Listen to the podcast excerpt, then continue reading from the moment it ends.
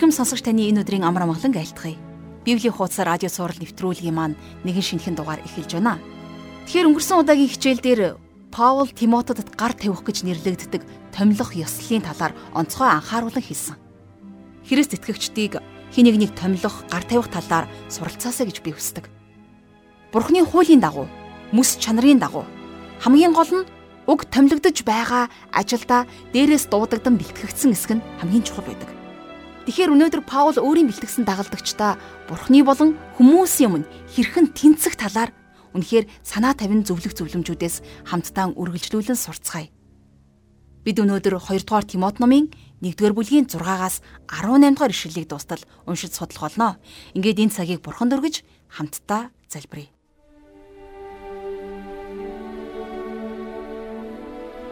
Бурхан Аава, таны өмнө ирээд бид энэ цагийг даатхан залбирч байна. Энэ өдрийн энэ цагаар дамжуулан та бидэнд гайхамшигтай үгээ өгөөч. Бид таны үгээр дамжуулан Иесус Христ дотроос өөрсдийгөө таньж мэдэж энэ мэдлэг дотроо урам зоригтой амьдрахыг хүсэж байна. Бид Христэд итгэх итгэл, итгэлээр ирсэн тэрхүү аврал таны бидэнд өгсөн нэгүслийн бэлгийн төлөө эзэн шаардлагатай бол элдв саад бэрхшээлийг даван туулахад ч урам зоригтой байхыг хүсэж байна. Үүний төлөө та бидэнд энэ өдөр өөрийнхөө үгийг өгөөч. Ариун сүнсээрээ биднийг удирдан дагуулаарай. Эзэн хичээлийг зөвхөн ойлгоод, эзэн мэдлэг болгоод өнгөрөөхөш, харин зүрх сэтгэлийнхаа самбарт сэлж хэрэгцээтэй үед тэр үгийг хэрэгжүүлэн таны алдрын төлөө амьдрмаар байна. Мөнхийн эзэн минь та байдаг учраас бид хүнд хэцүү болоод баяр жаргалтай бүхий л өдрүүдийн туршид бурхан минь гэж дуудах эзэнтэй байдгийн төлөө талархал магтаалыг өргөж бидний итгэлийн зохиогч Есүс Христийн нэрээр залбирanгуйж байна. Амен. Ингээд хамтдаа жаргал агшиг хичээлд анхаарлаа хандуулъя. За өнөөдөр бид хамтдаа 2 дугаар Тимот номоо үргэлжлүүлэн судлая. Өнөөдрийнхөө хичээлийг 1-р бүлгийн 7 дугаар ишлэлээр эхлүүлье. Учир нь Бурхан бидэнд айдсын бус харин хүч, хайр ба биеэ захирах сүнсийг өгсөн. За энд Паулийн хэлж байгаа айц гэдэг үг бол айж хулчих гэсэн утга санаагаар хэлэгдсэн байна. Өөрөөр хэлэх юм бол хулчхар зангийн талаар ярьж байна. За энийг бол бид нар шууд утгаар нь айдас гэж ойлгох юм бол зарим талаараа энийг буруугаар ойлгох магадлал үүснэ. Жишээлх юм бол зарим хүмүүс өндрөөс айдаг. Хорхоо шавчнаас айдаг хүмүүс байдаг. А гэтэл айдас гэдэг бол өөрөө хүний төрлөх чанар тийм ээ. Айдас биднийг аюулаас хамгаалдаг. За жишээ нь хүмүүс баавгаанаас айдаг. Хэрвээ бид нар ойдтор явж байгаад баавгаатай таарах юм бол бушуухан л нуугдж амиа аврах нь зүйтэй тийм ээ. За тэглээгээд энэ айдас буруу юм гэж ойлгож өрдөөсөө болохгүй. А тэгэхээр харин Паул бол энд айдсын сүнс гэж хэлэхтэй. Илүү аимхай хучир байдлын дараа хэлсэн юм а. Өөрөөр хэлэх юм бол Паул энд хэлэхдээ Бурхан биднэрт аимхай хулчгарын сүнсийг биш харин хүч, хайр ба бие захирах сүнсийг өгсөн гэж хэлсэн байна. За дараагаар нь Паул хэлэхдээ биднэрт биеэ захирах сүнсийг өгсөн гэж хэлсэн байна.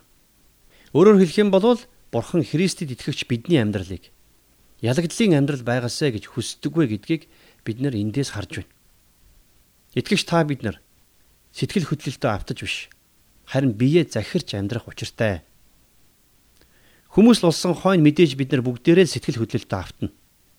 Тийм ч учраас өрөвдөлтөй, ядуу зүдүү өлсөж шаналсан хүүхдүүдийн тухай сурталчилгааг хараад хүмүүс хандив өргөдөг шүү дээ.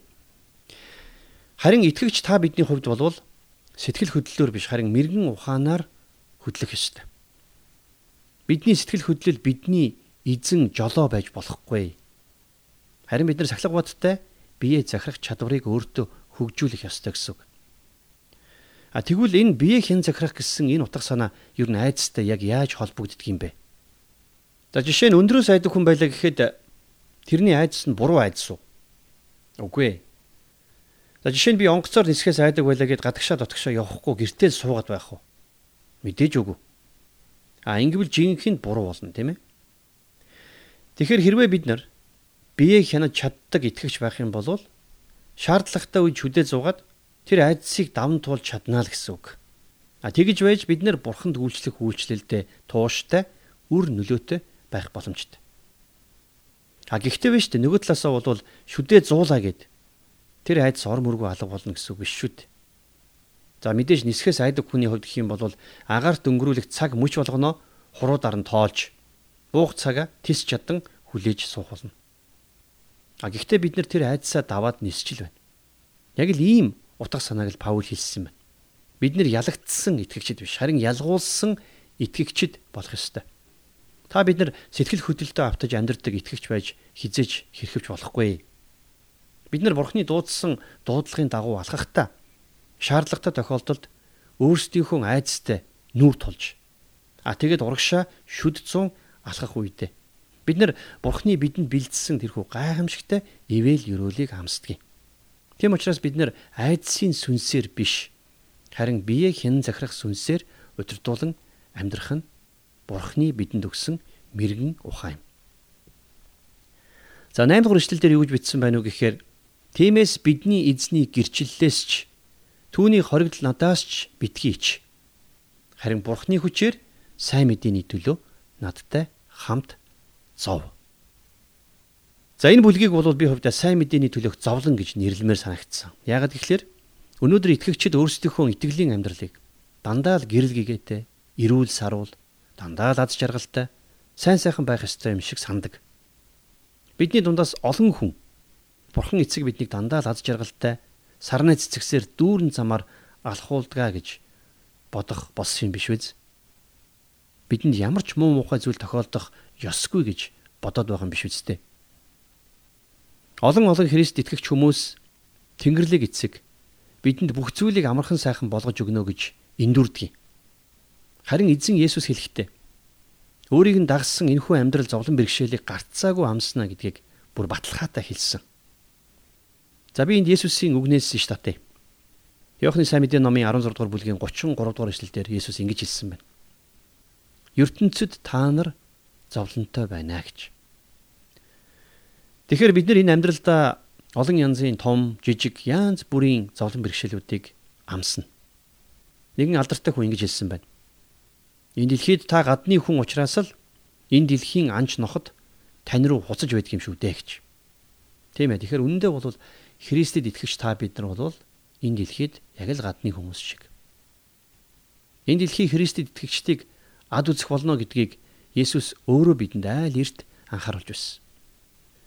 Иохны 15 дугаар бүлгийн 18 дугаар ишлэлдэр Есүс хэлэхдээ Хэрвээ ертөнц та нарыг үзэн ядвал та нараас өмнө намайг үзэн ядсныг мэдэгтэн гэж. Христэд итгэгч хэрнээ энэ дэлхийгээр их хайрлагдана гэдэг бол боломжгүй. Заримдаа бид нар итгэлийн амьдралын талаар хүүхдийн цуглааны хүүхдүүд шиг л төсөөлтөд яваад байгаа юм биш үсттэй. Хүүхдийн цуглааны нэг хүүхдээс Библиэс чиний хамгийн дуртай сургаал зөвлөл нь альвэ гэж асуусан чинь нөгөө бүгдээрээ загас идээд бүгд талах идээд загас талах нь ердөөсөө дуустдаггүй тэр түүхэл надаа гоё гэж хариулсан гэдэг. Тэгвэл бид нар заримдаа итгэлийн амьдралыг яг л ингэж төсөөлөд байгаа юм биш үү? Бурхан дандаа л бидэнд амар хэлбэр, сайн сайхан бүхнийг өгнө. Тэр нь хизээж дуусахгүй гэж бид нар эндүрч байна. Энэ дэлхий дээр амьдрах та бидний итгэлийн амьдрал болвол цэцэгс дэлгэрсэн сайхан дардан зам бишээ. Та бид нар энэ дэлхий дээр байх хугацаанд сайн мэдээний төлөө шаардлагатай зовлонг гарцаагүй амснаа гэдгийг би давхар хэлмээр байна.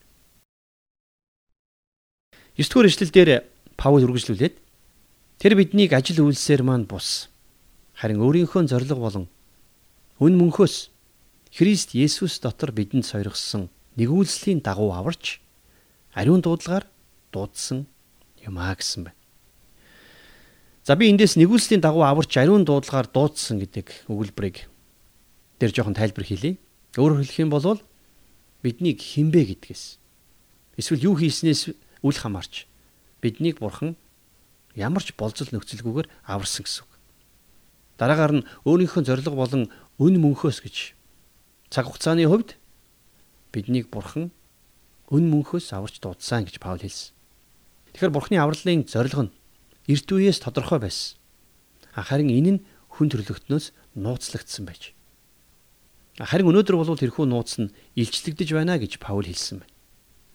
Хуучин гэрээний үед нууц байсан, илчлэгдээг байсан тэр үнэн а шин гэрээний үед ил болгогдож байна гэж Паул хэлсэн байна. За үн мөнхөөс гэж хэлсэн нь бурхан бидний төлөө анханасаа энэ төлөвлөгөөг бэлдсэн байсан гэсэн үг. 10 дугаар эшлэлдэр харин идүгэ энэ нь бидний аврагч Христ Есүсийн үзэгдснээр илчлэгдэжээ.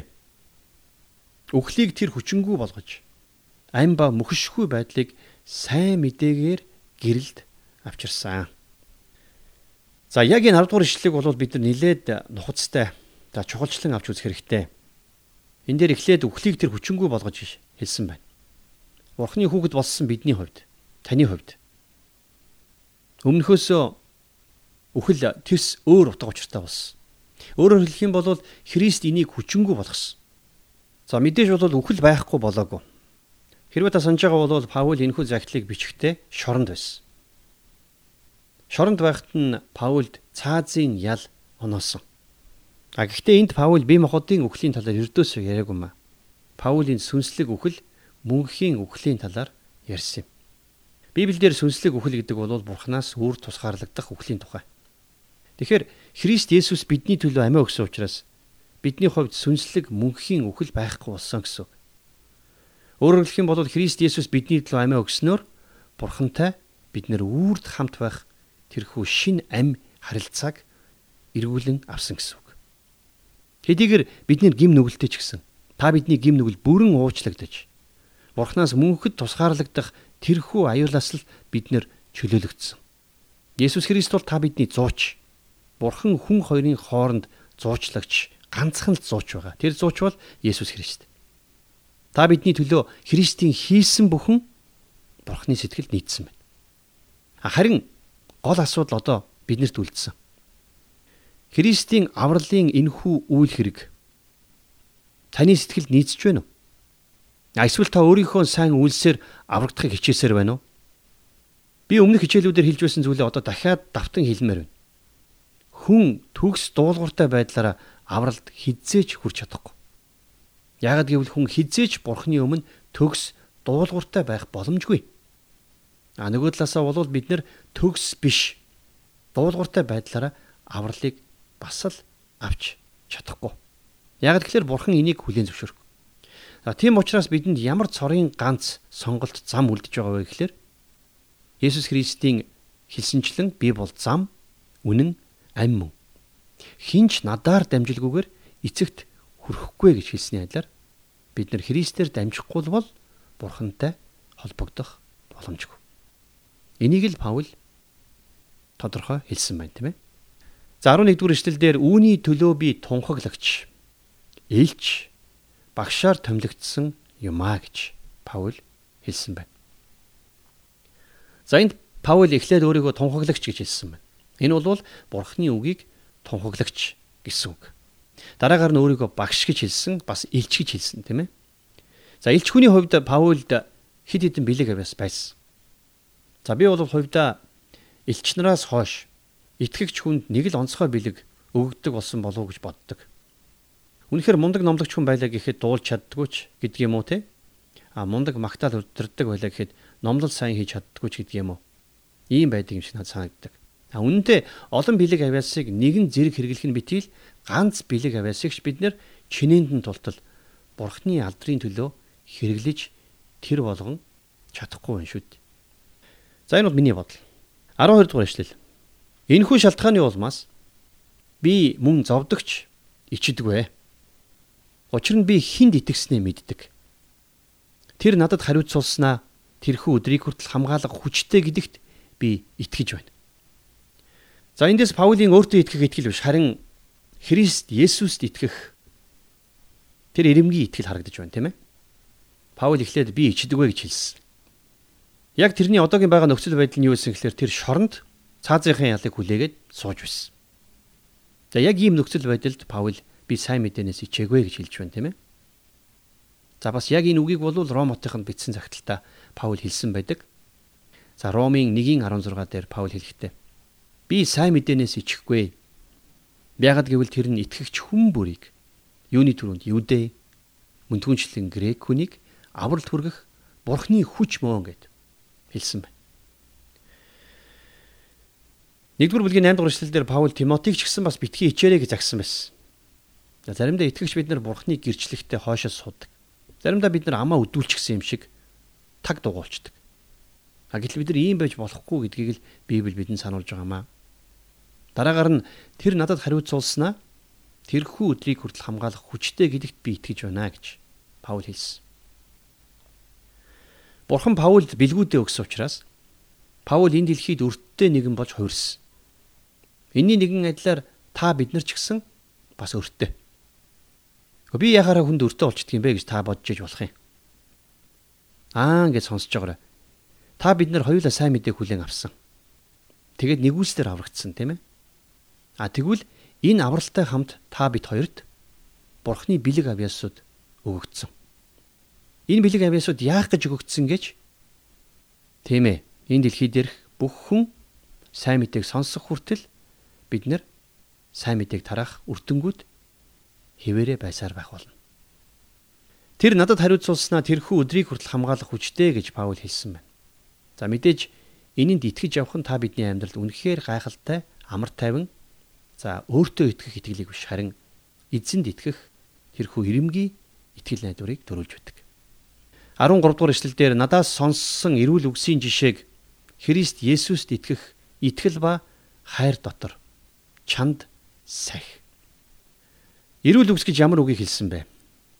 За энэ дэлхийд бид нэр мянга төм за сая тэр бом үгийг хэрэгэлдэг. А гэхдээ Паулийн энд хэлж байгаа эрүүл үгс гэдэг нь болохоор Библийн үгийг хэлж байгаа. Бурхны үг бол та бидний амьдралд маш олон мэрэгэн зөвлөгөө, мэрэгэн өдөрдмжийг өгч байгаа. А энэ бүхнийг бид нар итгэл хайр дотор чандлан сахиж байх ёстой. Иннээс өөр байдлаар бол бид нар Бурхны үгэнд хандах боломжгүй. Зөвхөн итгэл хайр хоёр л Бурхны үгийг бидний зүрх сэтгэл дотор үлгийдэх ёстой. 14 дугаар эшлэлдэр чамд хариуцуулсан сайныг бидний дотор оршдог ариун сүнсээр хамгаал гэсэн байгаа биз? Христэд итгэгч та бидний амьдрал зөвхөн ариун сүнсний хүч чадлаар л урагшлах ёстой гэдгийг ойлгох нь та бидний хувьд их чухал ойлголт байдаг. Тэгэхээр энэ бүлгийн 7 дугаар эшлэлдэр Паул бидэнд энэхүү ариун сүнс нь бидэнд хүч, хайр болон бие захирах байдлыг өгдөгөө гэж хэлснийг түрүүн бид үзсэн. За дээрэс нь Паул Галаад хотынд бичсэн загтлынхаа 5 дугаар бүлгийн 22-оос 23 дугаар эшлэлдэр ингэж бичсэн байгаа. Харин сүнсний үр жимс нь хайр, баяр баясгалан, амар тайван, төвчээр, инрэл, сайхан сэтгэл, итгэлтэй байдал, дүлгөөн зан, өөрийгөө захирах байдал юм а гэж. Энэ хоёр хоорондоо маш гайхамшигтай нийцж байгаа биз? Ариун сүнс хаана вэ? Тэнд бие хянахын сүнс байдаг бас бидний амьдралаас бие хянахын үр жимс төрж байдаг тийм ээ. Цааш нь 15 дугаар эшлэлдэр Аз дахь бүх хүн надаас нүрэ буруулсныг чи мэднэ. Тэдний дунд Фүгэл Хермоген нар байгаа. За өөрт нь итгэмжгүй хандсан хүмүүсийг Паул энд нэртэй устай нь бичсэн байна. 1-р Тимот номын 1-р бүлэг дээр Паул зарим нэг хүмүүс өөрөөс нь нүур буруулан одсон тухай дурдсан байдаг. Харин энд бол Паул Ромд өөртөө хамт байсан. А тэгээд одоо Азад байгаа бүх хүн өөрөөс нь нүүр буруулсан гэж бичсэн байна. Тэгэхээр энийг бол бид нар анхаарал таах ёстой. Итгэлээсээ нүүр буруулж урам тэрсэлнэ гэдэг чуулганы бүхэл үеийн түүхийн туршид байсаар ирсэн үзэгдэл шүү гэдгийг бид нар мартаж болохгүй. Чуулганы түүх заадаг нэгэн профессор багш ингэж хэлсэн байна. Чуулганы түүх болвол тэр чигээрээ итгэлээсээ урвагсдын түүх шүү гэж. Энэ бол үнэхээр үнэн үг. За өнөөдрийнхөө хичээлийг 16-аас 18 дугаар ишлэлээр өндөрлөе. Паул ингэж бичсэн. Онисифорын герт эзэн өршөөлөс хоёрох болтугай. Яагад гэвэл тэр олон удаа намайг сэргээсэн бөгөөд гинжнээс минь ичээгүй. Харин Ромд байхдаа тэр намайг хичээнгүйлэн хайж олсон юм. Тэр өдөр эзнээс өршөөл олохыг эзэн түүнд сойрхох болтугай. Эфест тэр хичнээн их үйлчилсэнийг чи сайн мэднэ. Онисифор гэж хүний нэрийг гарч байна тийм ээ. За ямар ч байсан Паулийн хэлснээр Онисифор гэх чинь хүн бол Бурхны нэгэн гайхалтай үйлчлэгч байжээ. Эфесийн хүн болох Онисифор хувийн ажлаар Ромд очихдоо Паулийг хайж шоронд хүрт очсон. Үнэхээр гайхалтай. Магадгүй Паул тэрнийг эзэн дээр авчирсан байхаа гэж би хувьдаа боддог. Тэгэхээр биднийг Христээр авчирсан хүнийг бид нэр үл тоож хизээч болохгүй шүү. Ингээд дараагийн хичээлээр эргээд уулзцаая. Тэгэхээр өнөөдрийн хичээл үнэхээр гайхамшигтай байлаа. Паул өөрийн итгэлд, өөрийн бэлтгэн буй дагалдагч Тимоттай хандан бичсэн захиасыг бид цувралаар үзэж байгаа. Библийн хуудасаар хичээлээр бурхан хүмүүстэй хэрхэн харилцдаг талаар бид илүү гүн гүнзгий төвшөнд эдгээр номнуудаар дамжуулан бид суралцж байгаа. Харин хүмүүс бид бие биендээ хэрхэн харилцах талаар Библиэс илүү их суралцах хэрэгтэй гэж бодож байна. Ягаад тэгэхээр бурхан хүмүүсийг өөрийн төлөвлөгөөний дагуу ойрхон амьдруулдаг нь бурхан төлөвлөөгөө бол хинч танд ойртон ирэхгүй хамтдаа алхахгүй байсан гэдгийг ойлгох хэрэгтэй. Тиймээс Паулийг орхин оцсон тэдгээр бүх хүн Паултай хамт хийх ёстой байсан бурхны ажлыг орхин оцсон гэсэн үг болох нь. Ингээнээр тайлбарлах юм бол Паул тэдгээр хүмүүсийн амьдралын нэг хэсэг нь байсан. А тэдгээр хүмүүс ч гэсэн Паулын амьдралын нэг хэсэг байсан гэсэн үг. Бид харилцааныхаа үүрэг хариуцлагаас болтох үед, зайлсхийх үед түүнийхэн хор хохирлыг хизээ нэгэн цагт амсдаг. Эзний үгийн төлөө талархал магтаалыг өргөн залбирахдаа энэ үгийг бодож эргэцүүлцгээе. Хамтдаа залбирая. Бурхан Аава, таньда өнөөдрийн шинэ хичээлийн төлөө талархал магтаалыг өргөн залбирч байна. Эзэн энэ өдрийн гайхамшигтай үгийн төлөө баярлалаа аваа. Та биднийг итгэл дотроо бат зогсоход туслаарай. Бидэнд өгсөн таны амьд ариун үгийг чандлан сахиж итгэл хайр дотроо эзэн таны дотор дуулууртай даруусгалаар алхахад бидэнд туслаарай. Их эзэн минь өдөр болгон таны үгээр амьдрахын тулд ариун сүнсээрээ биднийг удирдан дагуулаарай. Мөнхийн эзэн минь бид харилцааны үүрэг хариуцлагаас болтох үед үүнийхэн хор хохирлыг хизээ нэг цагт амсаж үүрэх учраас би танаас нэг зүйлийг гон залбирч байна. Бурхан Аава, та бидний харилцааг хамгаалж өгөөч. Та бидний хэл яриаг, та бидний оюун бодлыг, бидний амь амьдралыг та хамгаалж өгөөч. Эзэн бузар муу үгээр, болгоомжгүй үгээр бид бусдыгаа гомдоож буруутгахгүй тулд, яллахгүй тулд Та бидний хэлэх үгийг, та бидний бодол санааг, бидний харилцааг хамгаалan удирдаарай. Мөнхийн эзэн минь бидний амь амьдрал, бидний өдөр хоногуудаар дамжуулан их эзэн минь та алдарш болтугай. Бүх зүйлийг танд өргөж, эзэн Есүсийн нэрээр залбирanгуйж байна. Амен.